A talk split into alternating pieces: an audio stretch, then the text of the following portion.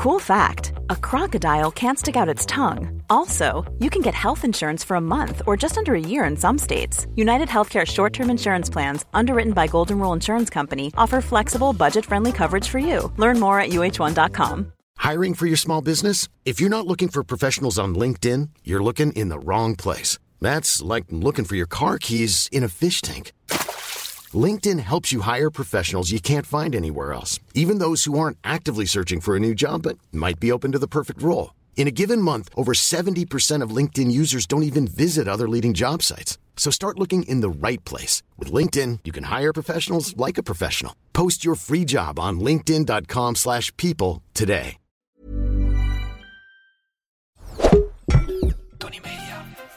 Nee, en ik, ik denk ook dat Jacqueline Time Machine meer een, een soort van alter ego was. En dat ik me daarachter kon verschuilen. Dat er heel veel ze- onzekerheid was met wie ik was en mijn uiterlijk. Kijk, als het in je hoofd zit, dan is het niet zichtbaar. Ik bedoel, als ik nu mijn vinger breek en ik heb verband om mijn vinger, ja, dan zeggen mensen, ah, zielig. Maar alles wat zich hier afspeelt, ja, dat is niet zichtbaar. Ik zie alleen maar camel toes voorbij komen op TikTok. Stuur even wat door naar mij. Ja. ik zou zeggen, jeetje jongen, wat ben je gespierd, wat ben je knap, wat ben je leuk. Ik wil een foto van jou zien van toen de tijd. Want die foto's van vier jaar geleden denk ik al.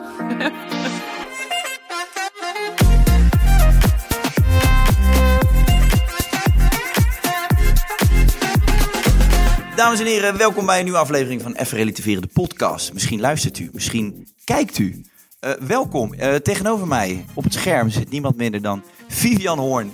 En eh, Vivian Hoorn staat natuurlijk bekend als eh, fotografe, eh, als model, onderneemster inmiddels ook. eh, heeft een eigen. Heb, heb je nou een eigen agencybureau eigenlijk, Viv? Ja, dat, heb, Ja. dat klopt. Het is een eh, modellen slash influencer agency.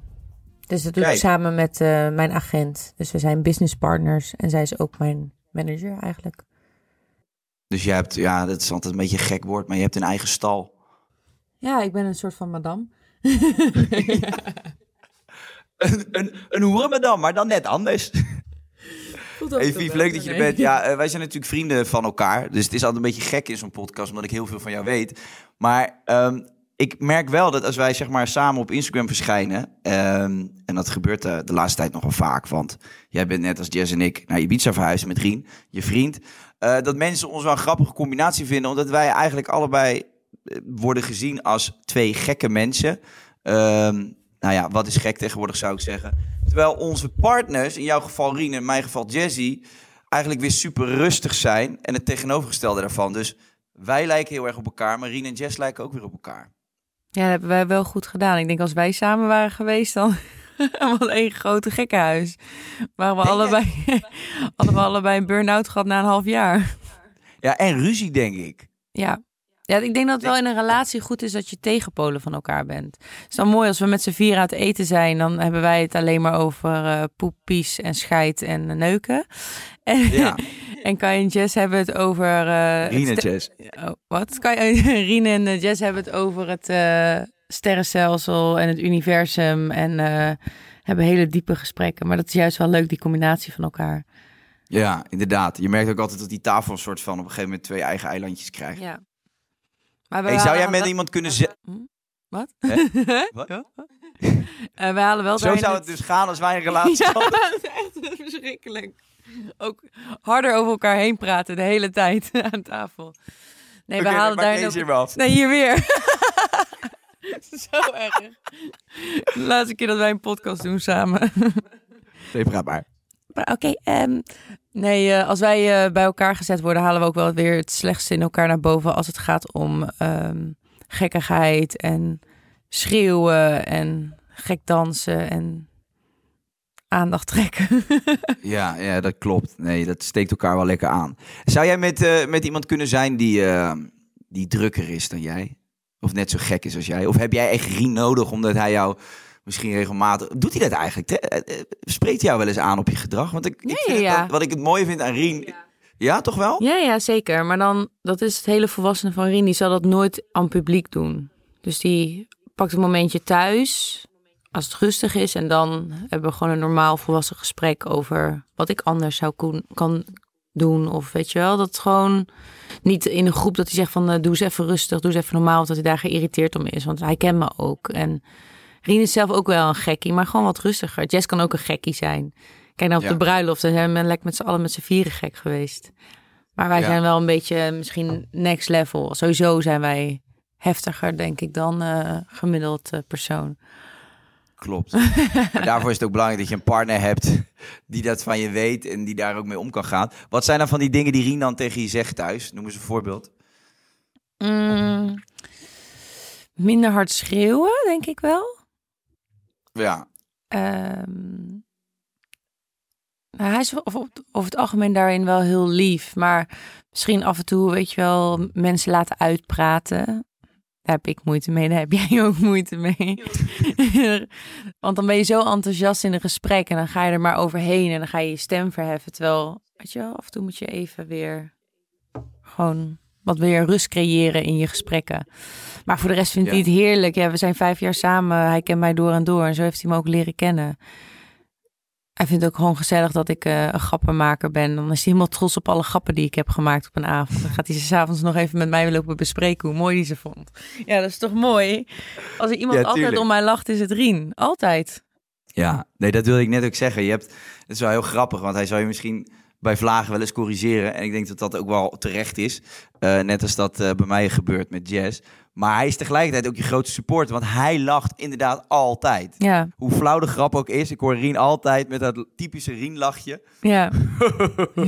ja, hij heeft een ja, hele aanstekelijke lach. Ja. Nee, um, nee, hij lacht altijd. Maar daardoor lachen we ook altijd. En Rien heeft zelf ook heel veel humor. En die is ook meer van de woordgrapjes en zo. En in die end zijn we gewoon de hele dag met z'n tweeën aan het lachen. Ja. En dat is belangrijk, lachen in het leven. Ja, hè, Kai. Daarom zijn wij ook zulke goede vrienden, omdat wij zo goed met elkaar kunnen lachen. dat is zoveel lachen om onze eigen grappen. Er zijn best wel veel mensen die jou, uh, denk ik... Je hebt een tijd geleden, heb je een soort alter ego, had je uh, Jacqueline Time Machine. Mm Daar doe je niet zo heel veel meer mee. Dus je hebt je, je, ja, je, je eigen Instagram dat ziet er allemaal super mooi uit. Gestileerd, uh, rustig, uh, strak, uh, modieus. en dan had je daar, daar tegenover had je ooit nog een, een Instagram-account waar je veel mee deed. Waarin je alleen maar gekkigheid plaatste. Daar ben je wel een beetje mee gestopt. Ja, ik doe het nog af en toe een beetje in mijn Insta. En ook probeer ik dat iets meer op TikTok nu te doen. Want het gaat natuurlijk iets sneller. En daar is humor meer een uh, grote factor dan echt uh, het creëren van iets artistieks. En ik merk, ja. ik ben toch wel. Er zit gewoon heel veel creativiteit daarin in mij. En ik hou gewoon van mooi beeld maken. Daarom doe ik ook fotografie. Mm. Um, en ik vind dat een heel fijne uitlaatklep op Instagram. Maar ik heb van mezelf wel besloten dat ik weer even die andere kant van mij ook weer vaker moet laten zien op Instagram. Want ik merk ook dat mensen daar gewoon super happy van worden. Ja. En dat is ook natuurlijk heel leuk. Maar het is gewoon even een combinatie. En dan vergeet ik het weer. En voor mij is het uh, makkelijker om um, creatief beeld te creëren en te delen. Dan dat ik uh, grappige dingen moet gaan doen. Zoals jij met je uh, tipetjes, hè? Dat meestal is het het beeld dat mensen van mij filmen als ik weer iets gek doe. Dat kan ik het mm. beste gebruiken, want ik, ik kan niet zo on point ineens hele grappige dingen gaan doen. Dat moet dan echt een keer zo opkomen. Maar er zit dus geen specifieke reden achter. Het is gewoon, de focus heeft daar gewoon even niet gelegen. Je bent er niet bewust mee gestopt. Nee, en ik, ik denk ook dat Jacqueline Time Machine meer een, een soort van alter ego was. En dat ik me daarachter kon verschuilen omdat het toch met mijn persoonlijkheid, dat er daar heel veel onzekerheid was met wie ik was en mijn uiterlijk. En dan kon ik me achter Jacqueline Time misschien uh, verschuilen, ook met mijn uh, figuur. Mm. En nu heb ik dat niet meer, want ik, ik ben Vivian en ik voelt alsof dat samen is gekomen. Dus het voelt ook dat alsof ik daar niet meer zoveel grapjes over hoef te maken, maar meer inspiratie daarin wil zijn. Dus ik denk dat dat de voornaamste uh, reden is dat het veranderd is. Ja, die zegt er zat veel onzekerheid rondom mijn figuur. waar kwam dat vandaan of waar komt dat vandaan? Nou, um, ik ben maat 42 XL. Uh, wat ik beeldig vind en eigenlijk een hele, uh, ja, wat je vaak ziet op straat een maat. Maar wij in onze business is, zie je toch wel vaak meer 36. En zeker in de modebusiness waar ik in zit, is maatje 34, 36 wel meer de doorgaansmaat als het gaat om mensen in het vak of modellen. En gelukkig is er nu meer diversiteit erin. Maar het is een lange weg geweest om uit mezelf te kunnen zeggen dat ik mooi ben om wie ik ben, omdat ik dat voorbeeld niet had. Dus, en toen ik merkte dat ik dat meer uh, ging delen ook, merkte ik dat ik er heel veel liefde voor kreeg en heel veel mensen inspireerde. Wat mij weer heel veel inspireerde om dat nog meer te delen. Om te laten zien dat je gewoon beeldig bent en prachtig als je wat voller bent. En dat het woord dik niet gelijk staat aan lelijk en geen liefde kunnen krijgen. Mm En als je dan nu terug, terugschakelt naar de Vivian van zeg vijf jaar geleden. Je komt uit de omgeving van Den Bosch. Op een gegeven moment ga je naar Amsterdam. Uh, dan ineens ontstaat het begrip social influencer. Wij zijn van de generatie die er allemaal zijn ingerold. Het bestond eigenlijk nog niet toen we ermee begonnen. Uh, dan ontstaat er uh, op Instagram natuurlijk een, een soort van hele zweem aan vrouwen die, die zo sexy mogelijk en zo slank mogelijk zichzelf etaleren. Hoe, hoe, hoe heb jij die, die periode ervaren? Want, want dat moet best een pittige periode zijn geweest als je, als je veel om je heen kijkt en uh, ja, je, je best wel wat aantrekt van, van wat de mening is van een ander met betrekking tot je figuur. Ja, ja ik ben nu 29, dus ik was, uh, wat was het, 19, 20 toen ik op uh, Instagram begon. En uh, mijn pagina was ook gewoon sexy en, en bikini en flink mijn tieten laten zien en gewoon lekker geil wijfie spelen. Maar ja. met een uh, 80 tot 90 procent mannen die mij volgden. Maar ja hoe ouder ik werd, hoe meer ik in mijn eigen kracht ben gaan staan. Uh, en daar heeft uh, heel veel gewoon uh, zelfwerk aan geholpen, maar ook therapie. En op een gegeven moment kwam ik op een punt dat ik dacht van nee, weet je wel, dit ben ik. En dat is er helemaal gaan omschakelen. Ik denk dat ook wel voornamelijk mijn relatie met Rien daarin heeft geholpen, omdat hij heel ehm, lief is en me altijd in mijn eigen waarde heeft gelaten. En ook van een beetje iets vollere vrouw uh, houdt. Dus die uh, ligt dan in bed en dan zit, pakt hij mijn armpje erbij. En dan gaat hij zo lekker kneden en zegt hij is net een bolletje deeg. dus ja, dat is als iemand zo van jouw lichaam houdt, dan ga je ook meer van je eigen lichaam houden. Maar die vroege periode was wel pittig. Ik heb mij vaak onzeker gevoeld en in die business niet goed genoeg, maar überhaupt als vrouw niet goed genoeg. Um, maar ik ben wel blij dat uh, voor, uh, voor mij dat die hele Instagram game daar wel in is veranderd, weet je wel. En wij hebben het daar ook wel vaker samen over gehad. Dat het nu uh, ook werk is en natuurlijk ons leven laten zien, maar dat we het wel naast ons neer kunnen leggen. Terwijl hmm. back then overal waar ik heen ging, zo, deed ik wat leuks aan, want dan konden we een fotootje maken en alles moest voor de foto. En um, nu heb ik zoiets van nee, ik, weet je wel, ik moet foto's maken voor mijn samenwerking en de rest gaat uit nature, uh, gewoon van nature. En uh, daarnaast heb ik gewoon mijn hele leven en dat deel ik soms zelfs niet op Instagram.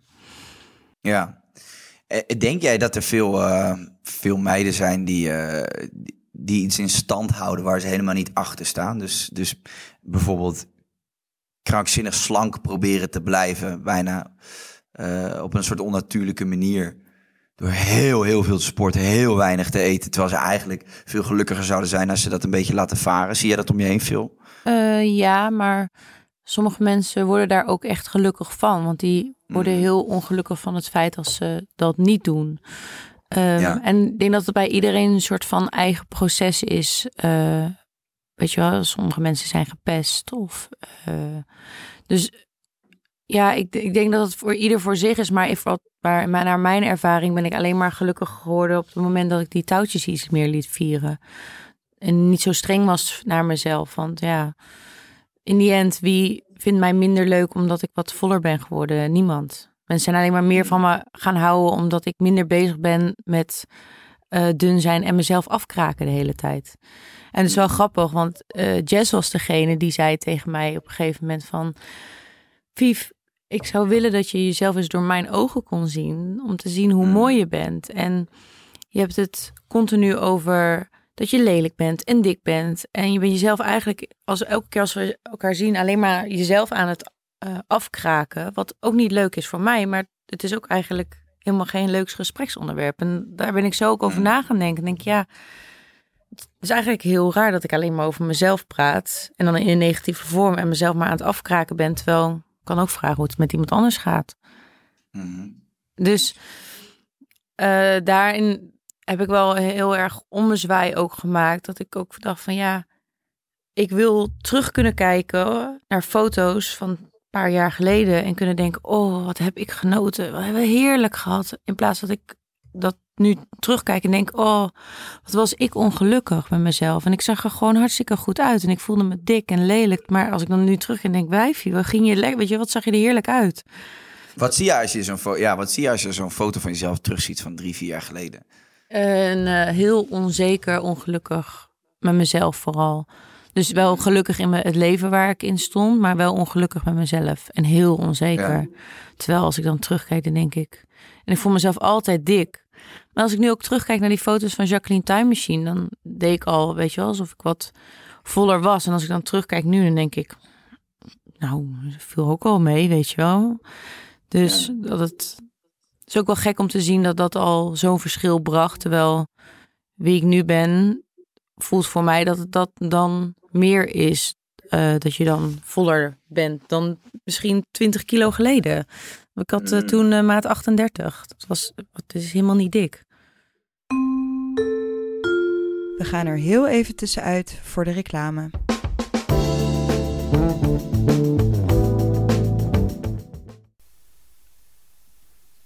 Er zijn heel veel dingen verrassend in het leven. Het feit dat ik bijvoorbeeld nog geen president ben geworden van Nederland. Het feit dat ik nooit word uitgenodigd op koninklijke feestjes. De Formule 1. Maar er is nog meer dat mij verrast. www.surprise.me Want daar weet je namelijk niet waar je naartoe op vakantie gaat. Dat blijft één grote verrassing. Daar kom je pas achter op het vliegveld. Ja, hey, hey, ben jij een lefgozer of niet? Durf het eens aan. En dan kan je naar allerlei leuke plekken in de wereld. En dan kan je zeggen, ja, maar daar wil ik helemaal niet naartoe. Je kunt bepaalde plekken uitsluiten. Hé, hey, jij even. Je krijgt nu 50 euro korting via www.surprise.me slash korting slash even relativeren. Succes ermee. Maar eigenlijk was dus Jacqueline Time Machine was een soort je, een alter ego waar je een beetje achter kon verschuilen. Nu in deze fase hoeft dat eigenlijk niet meer, want je, bent, je staat veel dichter bij jezelf. Je bent gelukkig uh, uh, voor, voor het grootste gedeelte van de tijd. Uh, je staat veel meer in je kracht. Stel je voor dat Jacqueline Time Machine terug zou komen. In, zou die nog wel in dezelfde vorm terugkomen? Ja, wat ja. ik bedoel? Want toen, toen was het misschien ook een, een, een ja, je vond het leuk om te doen. En ik, ik ken je, hè, dus ik, ik weet hoe gek je kan zijn. En ik weet dat dat echt iets zit, want dat komt uit je tenen. Dat zit gewoon helemaal in je. Dus dat is niet gespeeld. Maar die rol die je aannam bij Jacqueline Time Machine, daar zat misschien toch nog een kleine andere agenda ook achter. Ja. En, en dat zou misschien nu helemaal niet meer hoeven. Nee, maar nu, ja, ik ben ook gewoon gek, weet je wel. Als we dan op de bruiloft van Roy en Rien, ik heb een grote jurk en dan ga ik iedereen, ga ik in mijn jurk, in mijn tent verstoppen die zitten eten. Ja, het is heel kinderachtig, maar ik heb er drie dagen in gezeten. Ja, een borst in je nek. nee, ja, dat soort dingen. Als, uh, als ik nu dat weer zou delen, ga ik gewoon meer dat soort dingen delen. Of dat wij weer met z'n tweeën aan het vervelen zijn, weet je wel. Ja. En dat is gewoon, maar dat, dat komt niet uit onzekerheid of dat is niet iets, dat, dat ben ik ook. Ja. Voel je, voel, als je, als je, voel, je de, überhaupt, voel je überhaupt nog wel eens onzekerheid nu? Mm, jawel, altijd wel. En waar zit hem dat dan nu in? Mm. Ja, het is met periodes ook wel. Dus ik denk dat je nooit helemaal uh, zeker ben van je hele zijn. En dus het blijft altijd, nee. het komt van heel diep bij mij. Dus het blijft altijd nog wel een stemmetje in mijn hoofd waar ik tegen in moet gaan. Uh, en dat kan nog steeds over mijn figuur zijn, omdat het voor mij heel lastig is om kleding te kopen. Uh, en ik daar echt struggles mee ervaar. Dus dat ik dan denk: oké, ik moet afvallen om in bepaalde kleren te passen. Maar in plaats daarvan dacht ik: waarom ga ik geen kleren maken waar ik dan zelf in pas? Mm. En heel veel andere vrouwen. Dus uh, met, nee, weet je wel, gewoon die gedachten omzetten. Um, het werkt gewoon heel goed voor mij. Ja. En ook om mijn onzekerheid, zekerheden kan ook over mij uh, persoonlijk zijn. Dat ik dan denk van, oh, vindt iemand me wel aardig? Of heb ik, weet je wel, zo'n dingetje van, heb ik iemand niet uit laten praten? Heb ik wel genoeg interesse getoond? Dat soort dingen, omdat ik een soort daarin ook weer naar een soort perfectie streef. Ehm, en daar heb ik al met Jess ook gesprek over. Die zegt: Nee, schat, weet je wel, jij bent jij en je bent gewoon vief. En dat is helemaal goed. En iedereen mag wel zijn flaws hebben. Mhm. Dus ja, dat is letterlijk even relativeren en alles weer gewoon recht trekken. En denken: van oké, ja, nee, weet je, ik hoef mezelf ook niet continu een soort te verbeteren. Ik mag ook gewoon zijn om wie ik ben. En dat is dat. Ja, ik denk dat zelfkritisch uh, zijn uh, nooit verkeerd is. Maar het moet geen kwelling worden. Ik bedoel, mm. wat je zegt. Je, je, bent ook gewoon wie je bent. En uh, tuurlijk, als, als jij nooit iemand laat uitpraten... Ja, dan, dan is het niet verkeerd om af en toe te denken... Nou, misschien kan ik daar wat in verbeteren. Maar ik, ik, volgens mij was jij ook wel... dat, dat je dan naar huis ging en dat je daar echt heel erg mee kon zitten. Dat het echt in je hoofd ging malen. Ja. En dat is op een gegeven moment wel, ja, in je hoofd maak je vaak iets veel, veel groter dan het is. En probeer er dan maar eens uit te komen. Hè. Als het in, in, dit kokertje rondcirkelt, ja, dan, uh, dan wordt het zo extreem groot. Je zei ook van, ik heb therapie gehad de afgelopen jaren. Waar, waar ben je in die therapie achter gekomen? Wat, wat zijn de tools die je hebt meegekregen? Uh, het was voornamelijk heel erg op mijn onzekerheid. Uh, En dus uh, continu uh, perfectie willen nastreven en perfect willen zijn, maar vooral voor anderen, nog ineens voor mezelf. Mm. Um, en daar daar heb ik gewoon mee leren omgaan, maar ook met bepaalde gevoelens. Ik ervaar uh, gevoelens misschien heftiger dan andere personen. Misschien zelfs een beetje uh, high sensitive. Dat ik gewoon ook in ruimtes snel alles op me afkomt. Mm. Uh, maar daarmee ook, weet je, therapie, healings, uh, ademhalingsoefeningen. En als ik nu soms merk dat ik een drukke dag heb en te hoog in mijn adem zit, waardoor ik weer een soort van bal op mijn maag krijg en stress ervaar in mijn lichaam. Dan denk ik, oké, dan ga ik altijd even naar de wc toe. Vijf minuten ademhalingsoefeningen in mijn eentje zo. En dan denk ik, ik kan weer aan de dag beginnen. Dus nu heb ik een soort van tools gecreëerd, zodat ik daarmee om kan gaan. Maar die therapie was wel nodig om dat heel even weer terug naar de basis te gaan. En te kijken, oké, wie ben jij? Wie wil jij zijn? En hoe kun je daaraan werken? En Spring is my favorite time to start a new workout routine. With the weather warming up, it feels easier to get into the rhythm of things. Whether you have 20 minutes or an hour for a Pilates class or outdoor guided walk, Peloton has everything you need to help you get going. Get a head start on summer with Peloton at onepeloton.com. Daarmee um, je soms ook al wat, wat meer uh, af te schermen van andere andere meningen en andere gevoelens van mm. anderen. Want ik gooide altijd alles op mijn eigen bordje. En ik wilde iedereen helpen heel erg. Maar op een gegeven moment moet je daar soms wat afstand van nemen. En dan wat egoïstischer zijn en voor jezelf kiezen. Ja. Vind jij dat er nog een, uh, een taboe heerst op therapie? Ja. Of ja, nog wel? Ik denk altijd sowieso op mental health. Daar hangt uh, een taboe, weet je wel. Want ja, het is geen zichtbaar ziek zijn, maar er zijn heel veel ziektes die in je hoofd kunnen zitten. Ehm, plus, uh, ik heb heel veel hele lange periodes van uh, meer depressiviteit ervaren. En hoe mag ik me dan zo voelen als ik alles heb wat mijn hartje begeert? Ja. Ik heb alles wat mijn hartje begeert en alsnog kan je wakker worden en je kut voelen. Waar, waar komt dat vandaan? Dat weet je wel. Dus um, ja, en dat, dat zit gewoon in je hoofd. En ik, ik zou willen dat dat er niet zat, maar daar heb je ook geen controle over. Dat is gewoon, en daarmee met therapie en al die dingen, kan je daar wel iets meer controle over hebben. Um, daarbij vind ik het ook belachelijk. Het, nou, belachelijk. Het is logisch, want er is gewoon niet genoeg zorg daarin. Maar de stappen om naar een psycholoog te gaan, de stap als je al niet lekker in je vel zit, is het al een grote stap om die te nemen, om dat uit te mm. spreken, dat je die bepaalde gevoelens hebt of dat je hulp nodig hebt. Ja. En dan heb je, moet je daar nog een keer praten in je verhaal doen en daar nog een keer praten in je verhaal doen. En dan zijn er weer vier eh, weken uh, wachttijd. En um, dat kost al zoveel energie als je al eigenlijk geen energie hebt om überhaupt de dag door te komen. Ja. Um, dus daar zou zoveel nog in gedaan kunnen worden. Maar daarom ben ik ook weer heel blij met van die platforms zoals Jazz, met Floor, dat die drempel is minder hoog. Mm. Dus uh, je kan ineens iemand vinden op social media die jou kan helpen met gewoon even die basis weer terug te vinden van jezelf. In plaats dat dus je ergens naar een psycholoog moet en dat misschien niet binnen je verzekering past en dat het heel veel geld kost. En dan, dan is het heel lastig om aan jezelf te werken eigenlijk. Ja, ja en wat je zegt, jij, je, voel, je, hè, als je depressieve gevoelens hebt, dan, dan word je wakker met een kutgevoel. En daar komt dan bovenop het schuldgevoel, omdat je je kut voelt, terwijl je een mooi leven zou moeten hebben. Of lijkt te hebben, zeker voor de buitenwereld.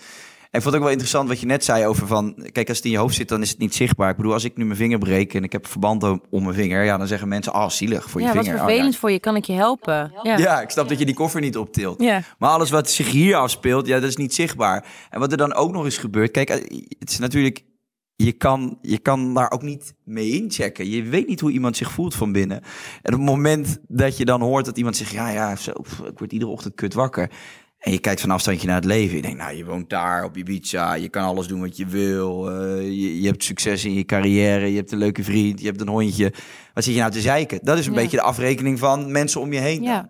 Waardoor je die mening is er ook van veel mensen die niet weten hoe jij je voelt. Of in ieder geval, dat denk je dat mensen die mening hebben. Omdat je zelf je eigenlijk ook zo voelt. Ehm, maar ik merk door er meer over te praten, en dat is heel spannend eh, voor iedereen die daarmee omgaat, omdat het dus ergens een taboe is en als een zwakte voelt.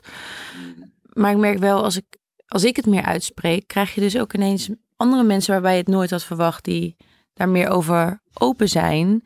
Ja. En dan voel je, je ineens zoveel minder alleen in dit hele proces. En dan voel je je ineens zoveel minder gek dat je ja, ik voelde me af en toe dat ik gek dat ik me zo voelde. Terwijl, ja, ik ben niet de enige die, me zo, die zich zo voelt. En die echt in de eigen gedachten kan zitten. Of dingen misschien duizend keer erg kan maken. Of hartkloppingen. Of moet huilen naar een vervelend telefoongesprek. Of weet je wel.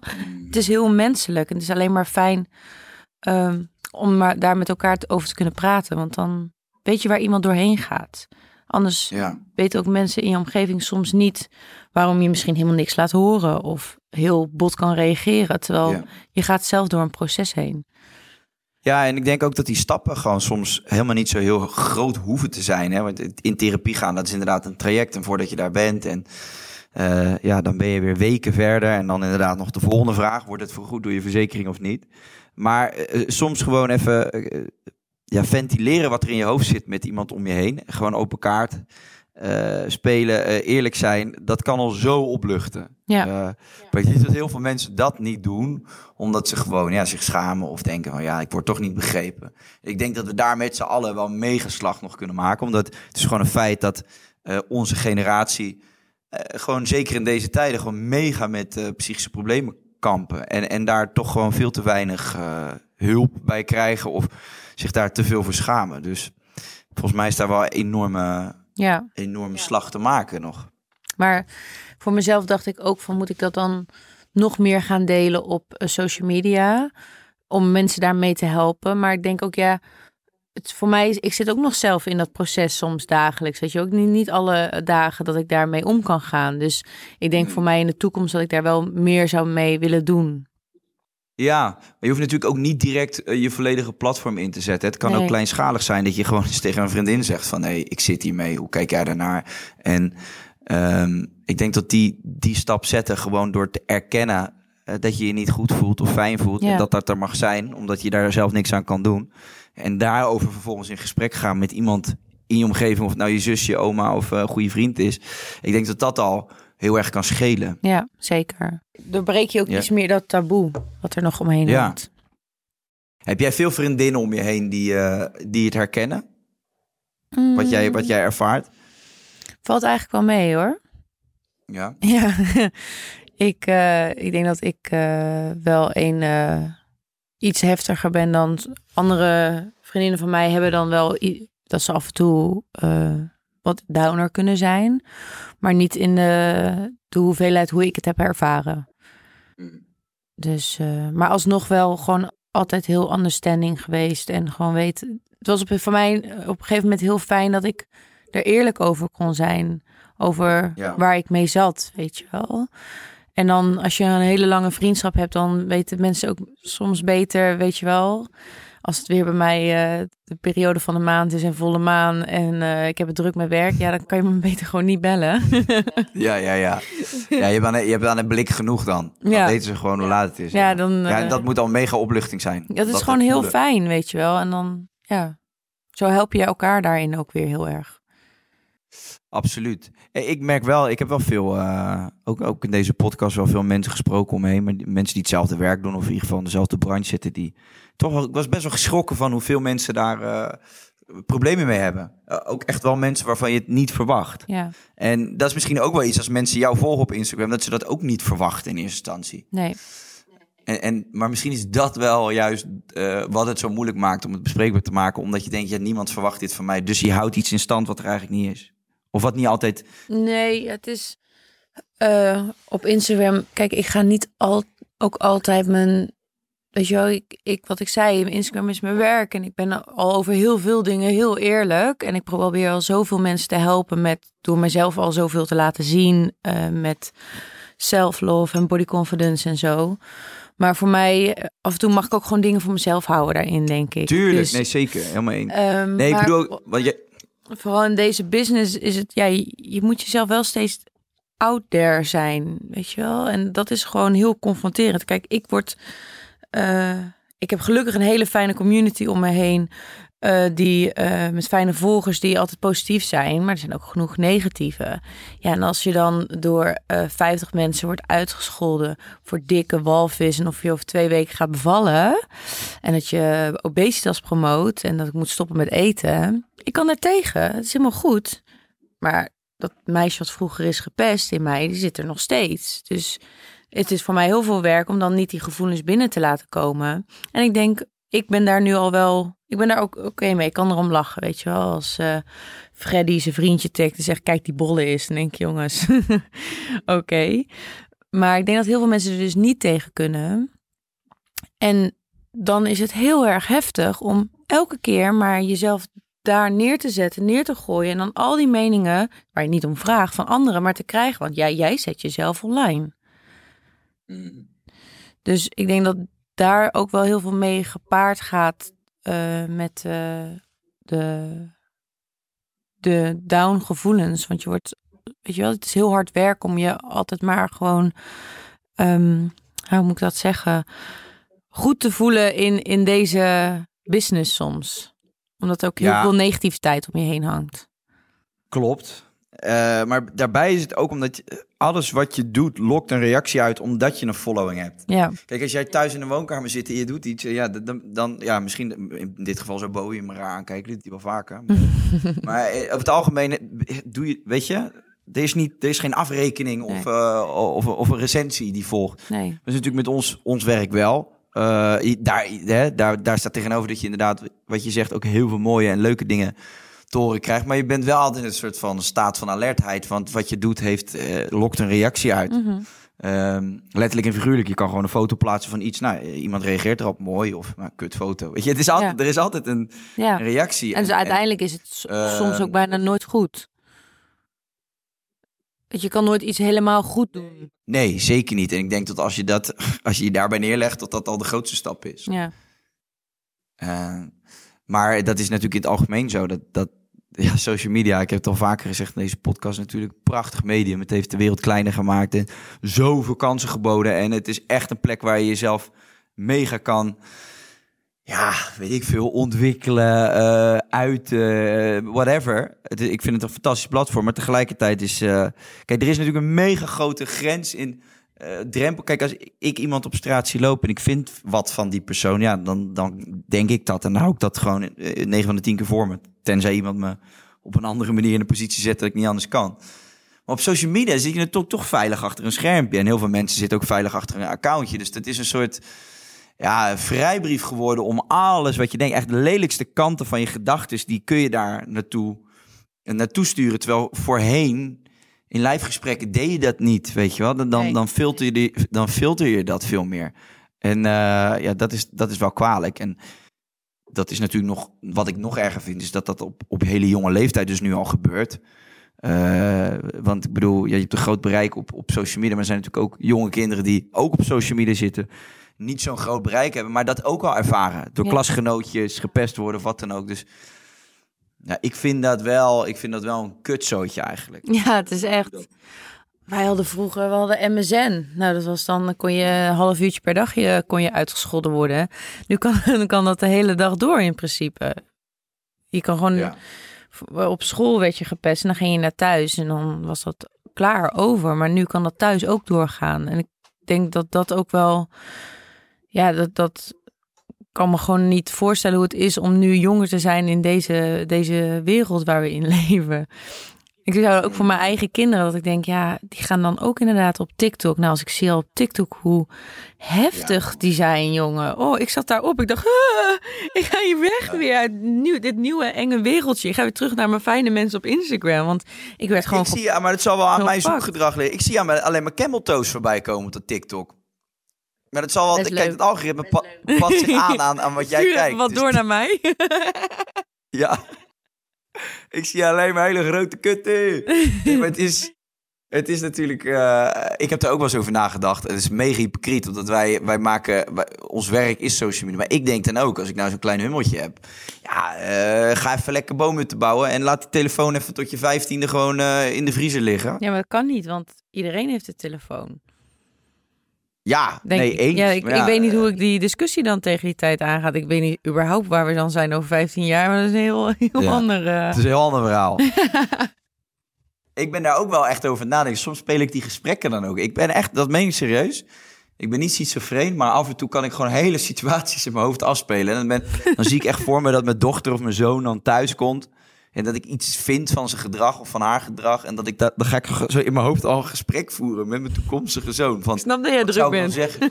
ja. Sinds ik op Ibiza woon, kom ik om in het werk. Heel de dag aan mediteren op de bank in gedachten. mijn zoon opvoeden die ik nog niet heb.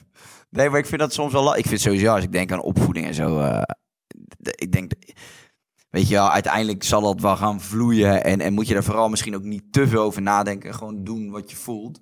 En denk ik dat je daar samen met je partner echt wel mojo in vindt. Maar ik vind, ja, ik vind het best lastig. Ook als ik kijk naar mijn eigen jeugd en zo, weet je wel. Ik heb ook, uh, ik heb ook een hele fijne opvoeding gehad. Maar ik ben ook niet altijd de makkelijkste geweest. Het is best een ding, hè, dat opvoeden.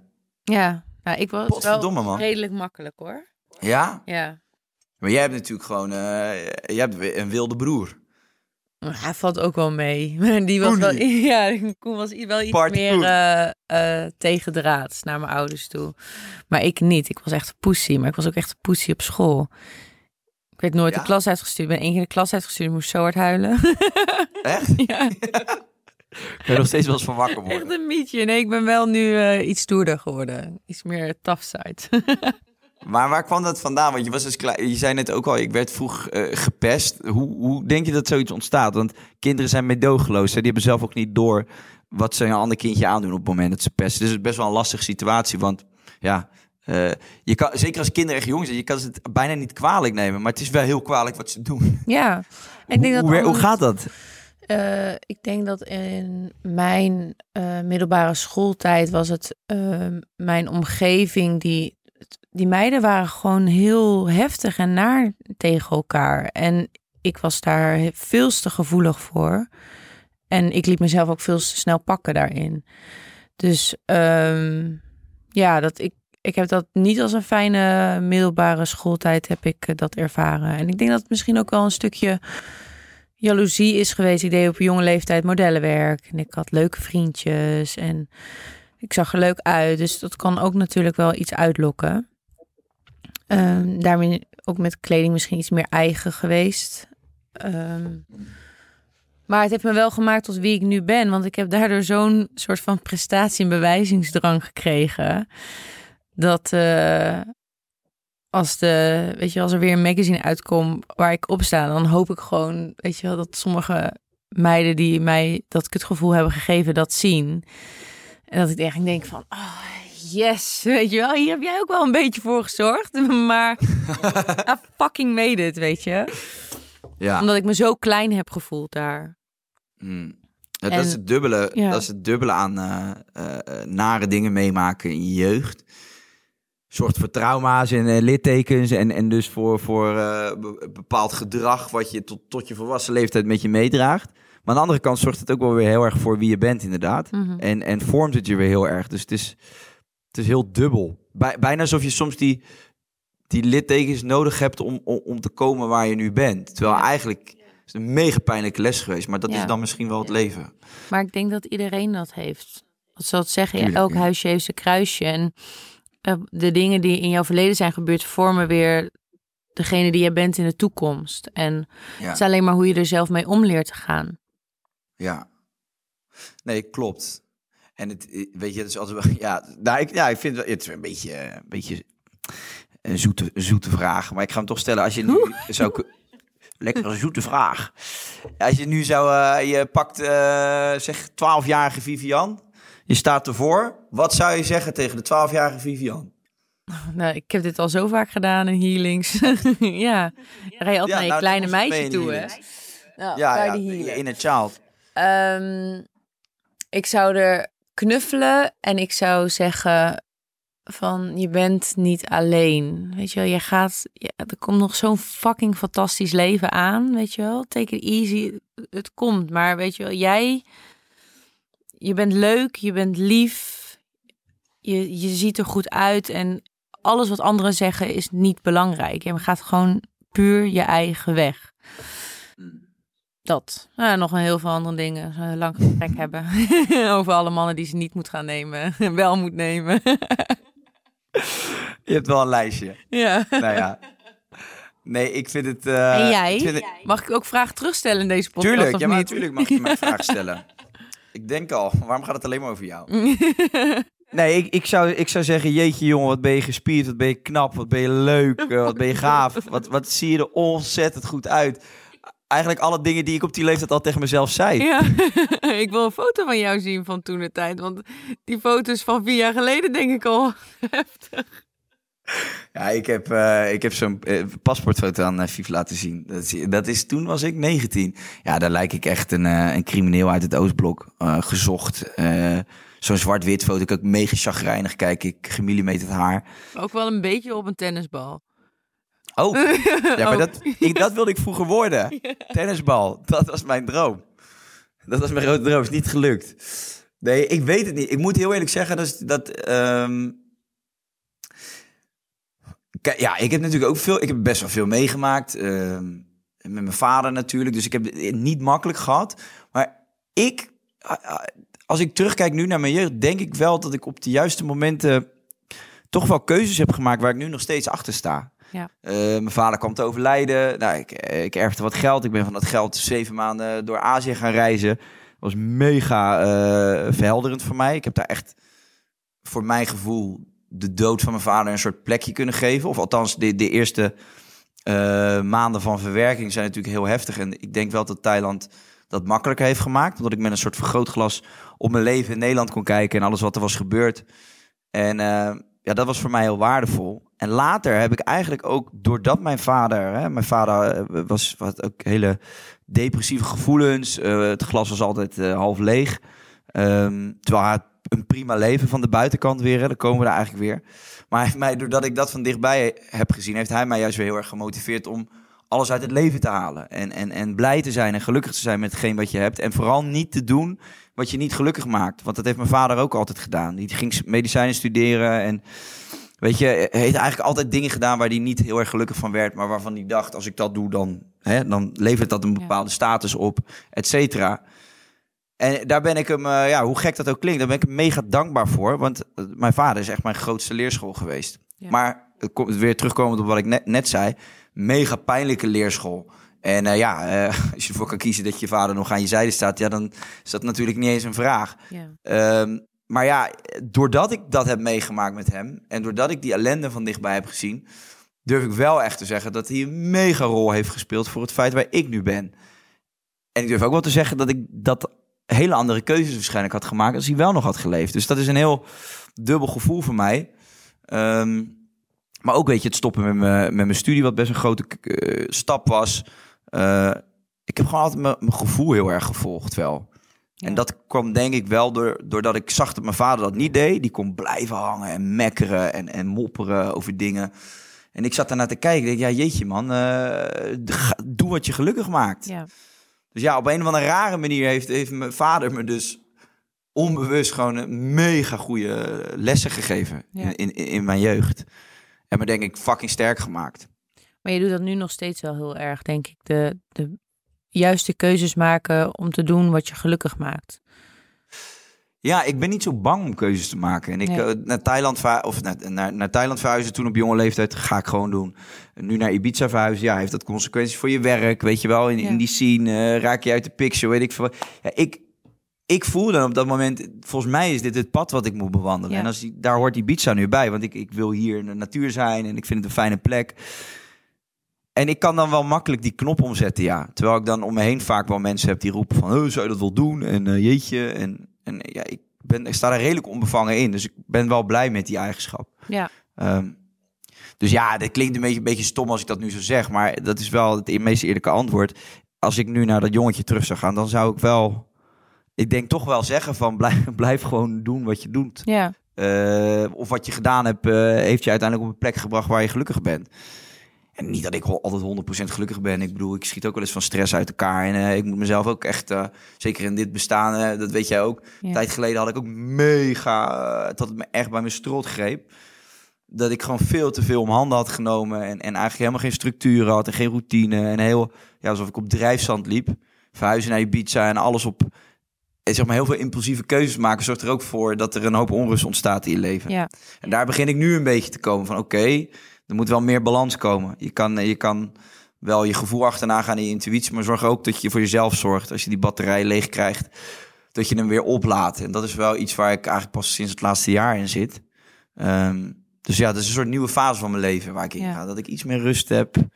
Maar wij hebben dat allebei wel uh, heel erg. Als het ene nog niet af is, dan moet het andere alweer. En weer bezig met een nieuw project. Ja. En weer mooier. En, en heel veel creativiteit en heel veel inspiratie. Maar ook niet rust kunnen vinden met hetgene wat we hebben en daar zijn en daar gewoon bewust van zijn of zo. Ik denk, ik denk dat Jess en Rien daar wel echt heel erg helpen bij ons. Ja. Ja. Ja, ja klopt. Ja, het vind ik vind het ook gewoon zo fucking lastig. Want dit zeggen heel veel mensen die succes, uh, ergens succesvol in willen worden. En nogmaals, het maakt niet uit op welke grootte of welke schaal dat is. Maar je werkt ergens naartoe, een doel. Uh, klein, groot. En je bent, dan ben je daar. Nou, en dan? Ja. Maar wij, wij denken in, in het gevoel, in die weg daar naartoe, verwacht je dat je dan op een soort punt van een berg staat.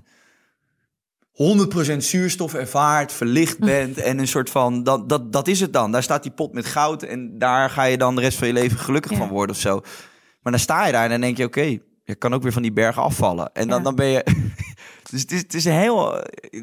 Het bestaan is best ingewikkeld uh, georganiseerd, vind ik. Ja, maar had jij ooit verwacht dat je hier zou staan? Dus met de, met de bekendheid die je hebt, dus successen, uh, een mooi huis op Ibiza, een super leuke vriendin, weet je wel, gewoon. Had je ooit verwacht dat, dat dit het leven zou zijn dat je zou leiden?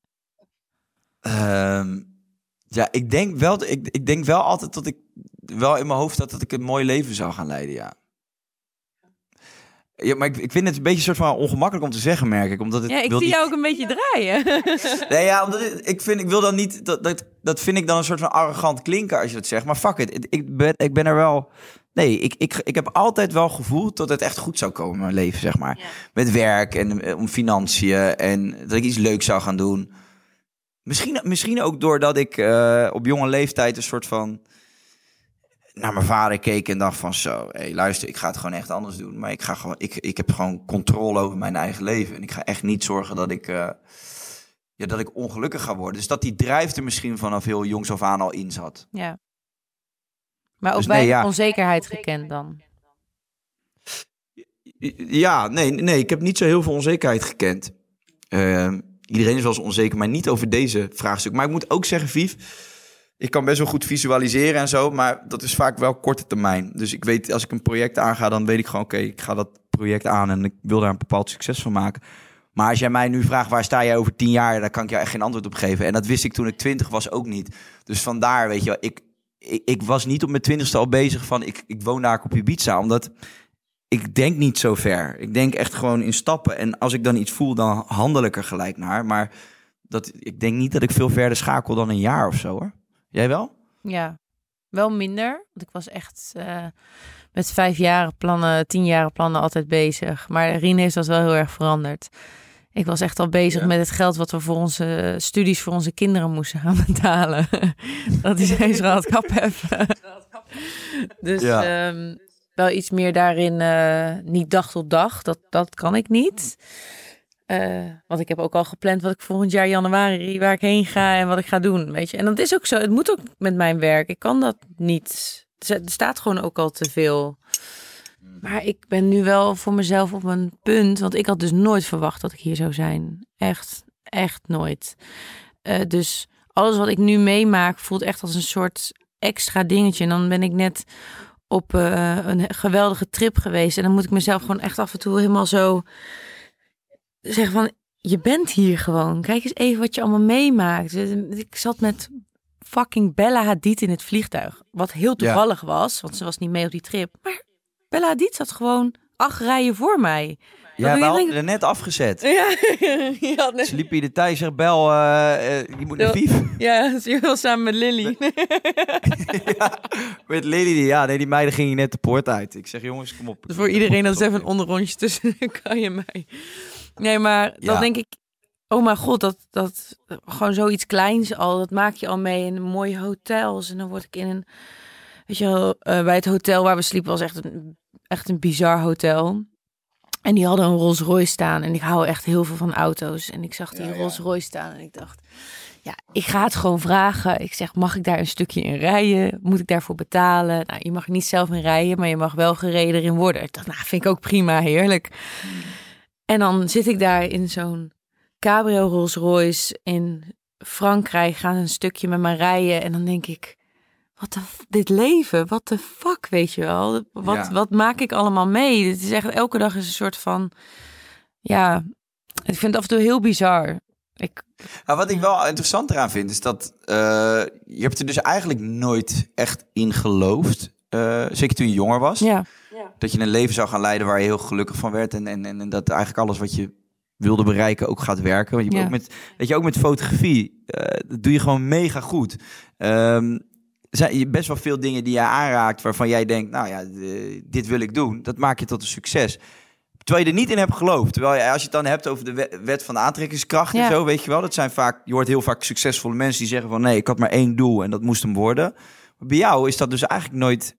Hoe, zou, hoe is dat in zijn werking gaan bij jou dan? Mijn intentie daarachter is anders geweest. Ik, ik wilde vroeger modellenwerk doen en dat liep dan niet zo. En dan dacht ik, nou oké, dan ga ik weer wat anders doen. En ik pakte gewoon dingen aan die op mijn pad kwamen en ik deed het vanuit uh, passie en creativiteit en liefde.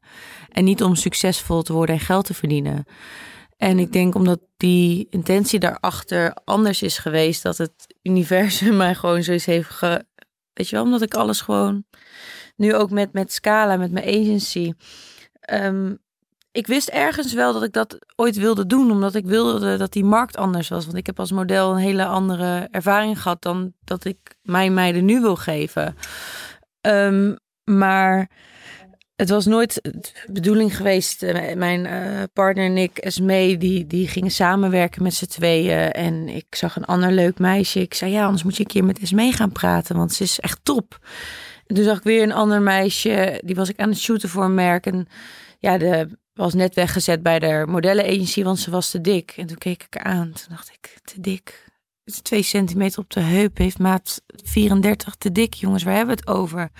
En ze kan dansen en ze kan zingen en ze is gezellig. En elke klant loopt met de weg. En ik denk, ja, maar daar gaat het toch ook om. Dus niet alleen die maat. Dus toen een stukje bij beetje meer meiden op mijn pad gekomen waarvan ik dacht van ja, jij ben, je bent 1,60, je bent niet 1,75. Maar je bent wel fucking cool. En die meiden werken nu allemaal. En dat is zo inspirerend ook om te zien dat je dan denkt van ik kan hun oh, weet je, niemand zag het in mij eh, als model, want ik was te dik. En ik ben er ook gekomen. Ik word nu voor fucking vette campagnes allemaal geboekt nu op een moment dat ik eigenlijk te oud ben om model te zijn. Niet de juiste mate heb of wat dan ook. En dan word ik daar nu wel voor gekozen, omdat en ineens die, dat je merkt dat die markt wel aan het veranderen is en dat je daar zo erg mee kan helpen. En dat je ook in je eigen kracht staat. Dus dat probeer ik ook heel erg met onze meiden. Dat, het, dat ze ook meer in hun eigen kracht staan en meer hun persoonlijkheid mogen laten zien. En dat het daar ook meer om draait.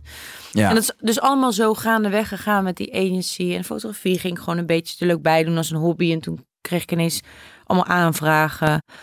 Um, het voelt alsof ik een beetje zo. Want ik doe dit, ik zit al 14, nou, sinds mijn 14 in de business, dus 15 jaar. Mhm. Voor, dat voor ik de eerst naar modellenagency stapte. Dus ik denk, omdat ik het allemaal een beetje zo geleidig voelt, alsof ik er gewoon zo een beetje doorheen vaar. En dat ik. Ja. Ik voel nu wel dat ik echt op, op een top ben in mijn carrière. Dat ik echt denk van. Ja, wauw. Gewoon is super dankbaar, maar ook echt af en toe voelt het gewoon alsof ik droom. Nou, maar dat is toch fantastisch. Ik, ik, ben, ik ben ook blij om dat te horen, omdat je heel veel mensen hebt die zeggen: Ja, ik, ik maak van alles mee, maar ik, ik, voel het niet. Ik ben helemaal nam. Dus ik vind het wel tof om te horen dat je gewoon uh, alles ervaart. Ja. En ook, ook regelmatig even je armen knijpt van wat de fuck gebeurt hier. Ja.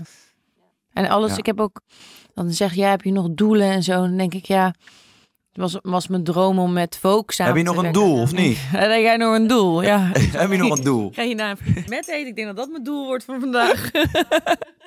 en ik moet echt zeiken. Zeiken, jongen. Moet je? Ja, ik zit ik maar, ook. jij drinkt helemaal niet. Ik heb zo'n droge bek, jongen. Maar ik heb gisteren ook gezopen. Ja, ik heb hier een hele kan. Ik heb hem al half op.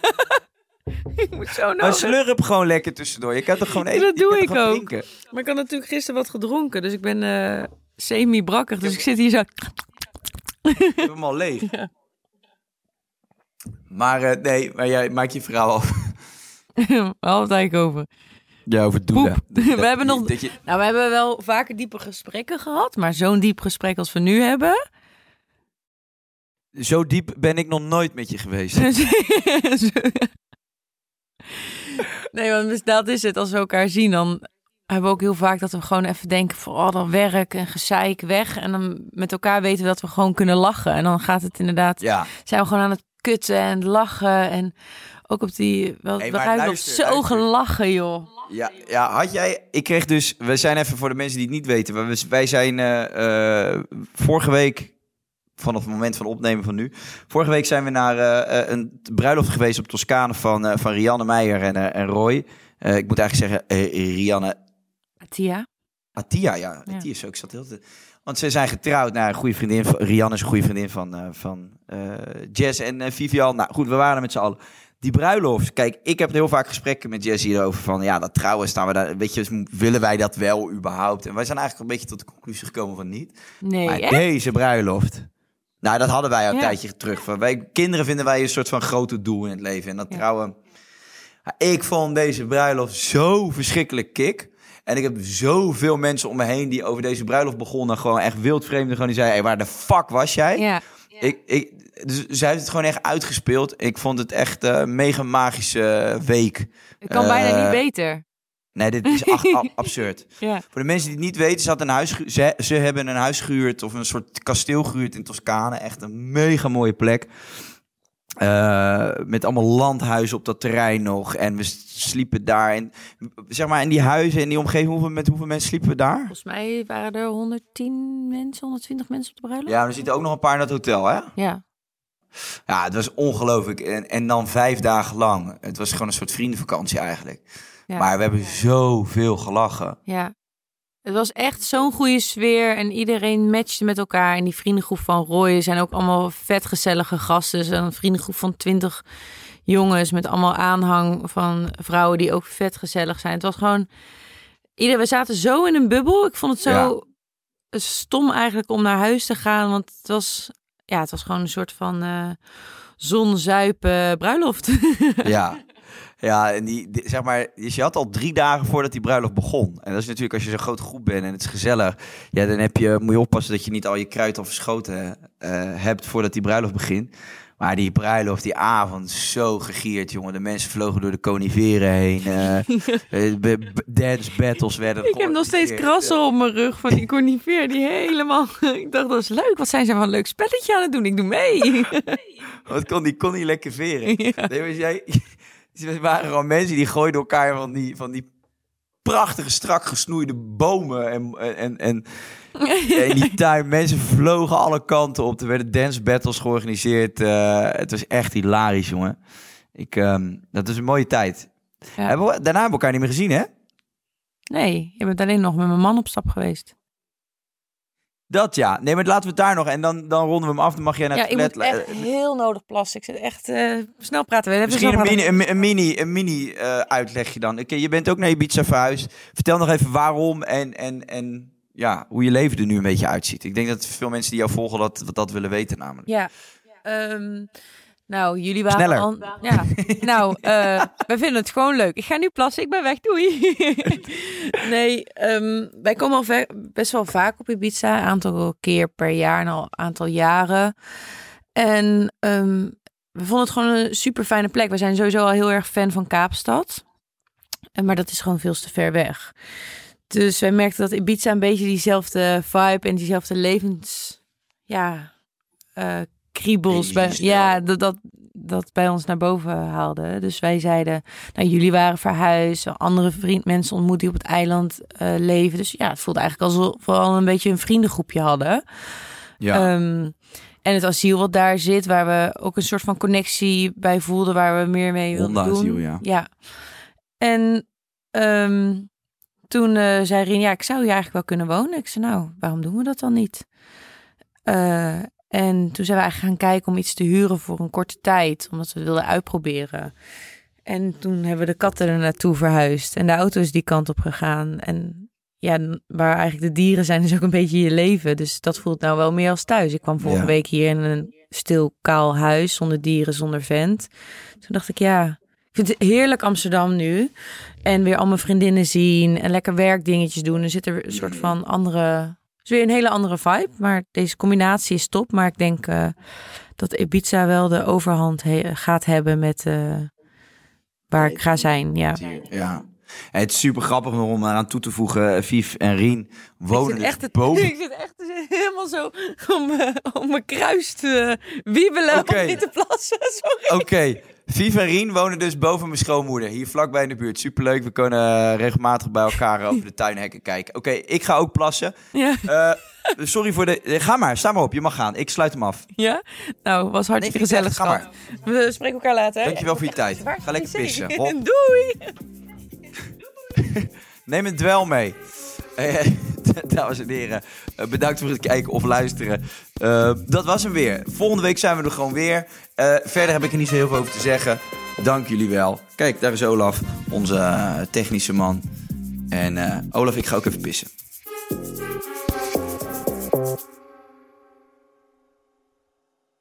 Heb jij vragen of klachten over een van onze podcasts?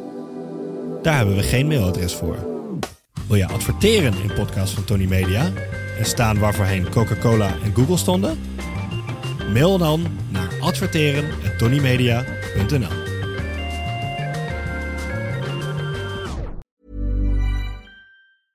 Want to get a chiseled look in the jawline? Sculpt and shape your jawline with added volume from Juvederm Volux XC. Juvederm Volux XC is an injectable gel specifically designed to be robust enough to improve moderate to severe loss of jawline definition. And it is the first and only hyaluronic acid filler approved for the jawline. Add volume to your jawline for a chiseled look with Juvederm Volux XC. For important safety information and to find a licensed specialist, visit juvederm.com that's J U V E D E R M.com. Not for people with severe allergic reactions, allergies to lidocaine, or the proteins used in Juvederm. Common side effects include injection site redness, swelling, pain, tenderness, firmness, lumps, bumps, bruising, discoloration, or itching. There's a risk of unintentional injection into a blood vessel, which can cause vision abnormalities, blindness, stroke, temporary scabs, or scarring. Talk to a licensed specialist to find out if it's right for you. Visit juvederm.com. That's J U V E P E D E R M dot com.